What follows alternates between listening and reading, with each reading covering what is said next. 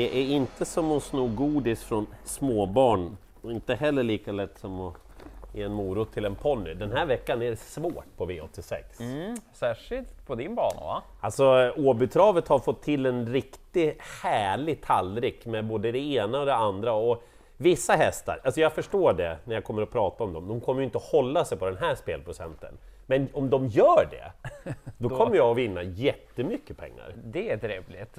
Solvalla? Det är mycket den här mannen, Örjan Kihlström. Mm, han har ett par bra chanser.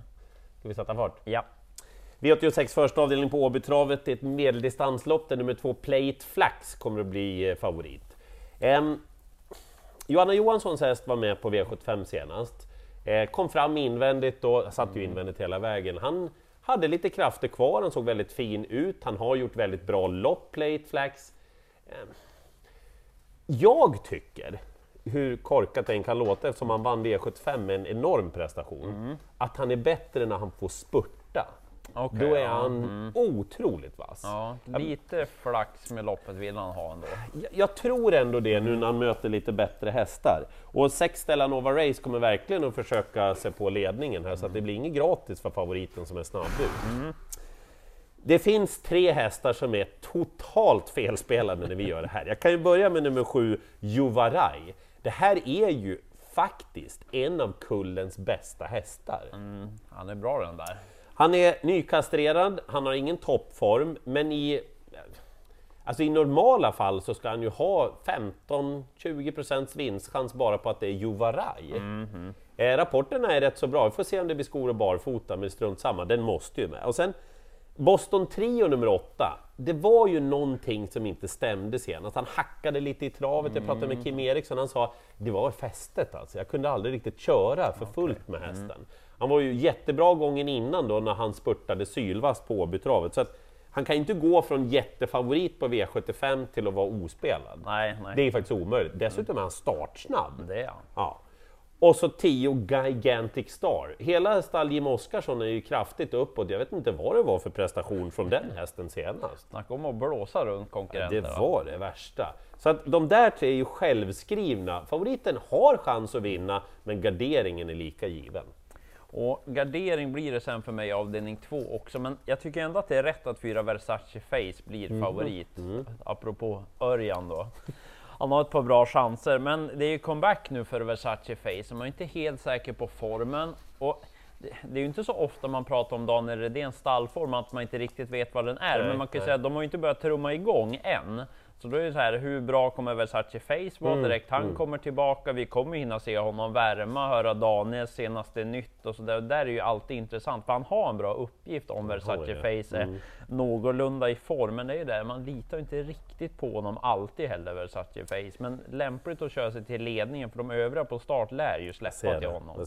Men spännande då på Neo Pax Bounce att det är anmält barfota runt om den här Och gången. det är en ruskig förändring. Ja, det är väldigt spännande. Inte helt säkert att det blir det, men troligtvis någon form av lättning i varje fall. Men extra spännande om det blir där barfota. Men samma där då, han har ju inte heller startat på ett tag. Nej, nej. Så att någonting med det här loppet gör att jag får lite så här magknip. Ah, det lite läskigt lurigt. Jag kommer ta med sex Hindenburg Am. Jag gillar den hästen, väldigt snabb. Ja. Åkte dit senast men visade fin speed och så fick han ett lopp i kroppen. Mm. Det har ju inte de här betrodda hästarna. Så att den tar jag med tidigt. Och så nämner jag som sagt lite magknip över loppet. Ett night single. Kan kan jag få den i ryggledaren den här gången på Versace Face? Vad är den? 0,00? Ja, den är väldigt lite spelad. Men eh, haft en del galopper tyvärr då, men skött sig de här två senaste och inte riktigt fått chansen fullt ut då. Ryggledaren nu och favoriterna lite ringrostiga. Ja, varför inte? Nej. Eh, V86 tredje avdelning, notera att det är voltstart i det här loppet, det är lång distans. Det tror jag, båda de sakerna är bra för favoriten 3 Ninjas Boy. Men genom att han är som han är, han är ju väldigt osäker. Han har inte startat på en tid nu, det tror jag heller inte är någon nackdel egentligen, men det känns ju inte någonting man säger så här, ja den ska ni spika.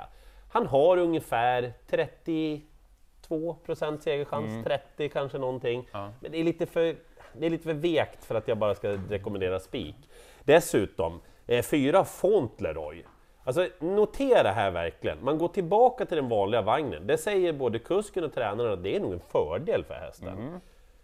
Han har vunnit fem gånger i sitt liv. Räknar vi bort debuten när han vann och gick med skor, då Svante Båt, mm. han har tagit alla segrar barfota runt om, som det blir nu också. Det är spännande. Ja, men det är en verkligt stor fördel. Eh, fler skrällar. 10 Midnight Special. Vad tusan, det här är ju en bra V75-häst det här. Det är det. Som nu har fått lite lopp i kroppen, haft lite sådär småsparat. Ja, okay. Förstår vad jag menar? Det, är liksom, ja, det kanske inte har sett så ut, men han är ju som han är, Midnight Special mm. också. Alldeles för låg spelprocent och sen... Ja. ja, men, ja några cash till får han. Alltså Cash Bore nummer 6. Jag tror, hur korkad jag än är nu jag tror att det är bra att man byter bort den amerikanska sulken. Ja, man får mm. inte ha den nu när det är voltstart. Jag tror det är bättre med den vanliga. Mm. Och så Carl-Johan Jeppsson från springspår, jag tror att formen är bra. Det är ju open stretch. Ja. ja men rygg mm. på typ bold knick och så bara... Jaha, ja. vann den till 1,8 procent? Ja, då sprack inte vi i alla fall. Så det, det, det, finns ju flera att nämna. Jag tar de där tre, men ni har säkert lika många till ni kan ta med. Sen är jag väldigt spänd på avdelning 4 sen. Det är ju en häst från Italien som ska debutera för Daniel Redén i det här loppet, nummer 4 Sanella. För de som inte har möjlighet att kolla italienska lopparkivet, mm. eh, är det en liten, stor, startsnabb, stark, Nej. speedig? Vad, vad har startsnabb, ready cash med lite hetsiga tendenser, men oerhört spännande skulle jag vilja säga rent fartmässigt och så just intrycksmässigt.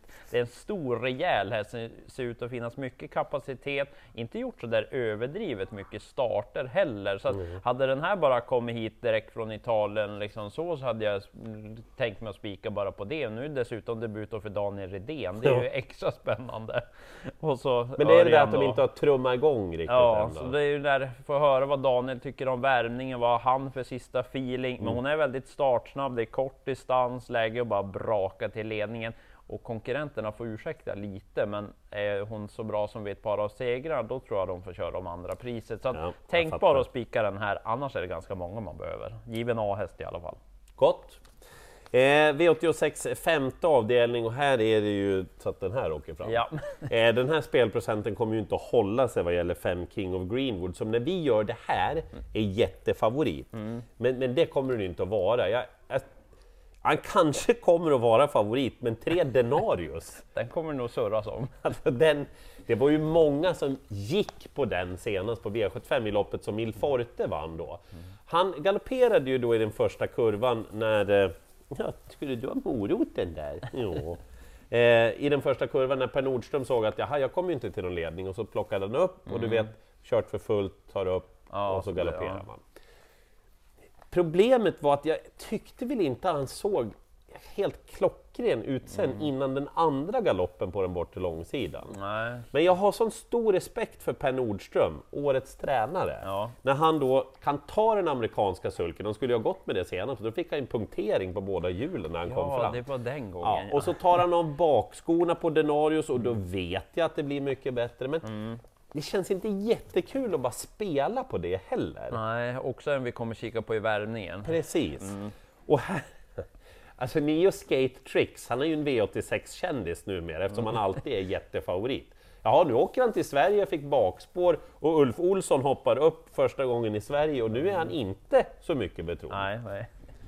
Den måste han med. Och sen, alltså, jag vill först säga, Stefan P Pettersson från Mantorp, hans hästar har sett verkligen strålande ut när de har kommit ut i år. Mm. Typ Is No Good Am, jag behöver ja, inte säga något mer, Jeter med flera. Mm. Alltså.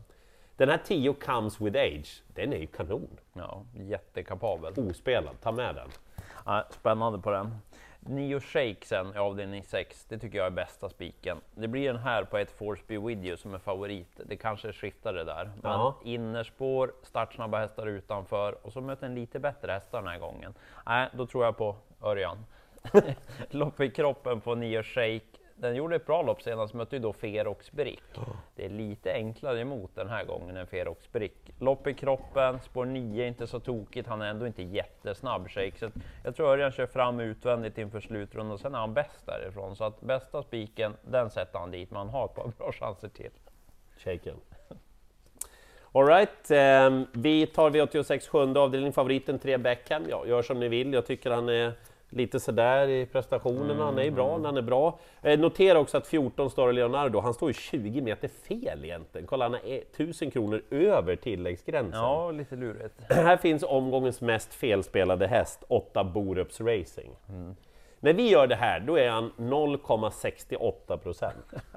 Han knuffade V75-hästar framför sig senast. Han såg bländande ut. Han är van tufft motstånd. Han är startsnabb, han har springspår på 20 meters tillägg. Jag tror inte han har något problem med distansen egentligen. Den här måste ni ha med. Ja, det var ett väldigt bra intryck på den senast. Ja, Otroligt vad lite spelare. Och så ett Condor Dream. Inte alls dum, bra läge. Tänk om det är den som drar på i ledningen. Tycker han är fasiken så bra när Jeppson hamnar i de där lägena när han liksom får moderera själv. Ja. Med en stark häst dessutom. Så det här är ett garderingslopp det också. Och sista kan nog tänka mig att låsa på två hästar sen. Ja, du är ju svaga för favoriten. Nils. Han var bra senast igen, Nilsson 1. Och samma här, lite enklare emot ändå den här gången tycker jag. Ganska öppet lopp bakom Nilsson 1, men rätt att han blir favorit i bra utgångsläge. Kommer han till ledningen, då borde han vinna. Men jag gillade intrycket på 5 U2 Tasty senast. Marcus B. Svedbergs stallform, den är ju topp, topp, topp. Och den där såg väldigt bra ut senast. Verkligen. Fin form på U2 Tasty, den kommer gå en snabb slutrunda igen. Så att de där två tar jag i sista. Då fick vi ett lås också. Ja. Du står för spikarna nu. Ja, då är det Shake och kanske den där Sanella, men vi kollar hur hon värmer. Ja, lite varningstrianglar och så omgångens mest felspelade häst, Borups Racing, den får ni inte missa. Eh, lycka till i jakten på alla åtta rätt, en väldigt härlig och klurig omgång Så på är det V86. verkligen.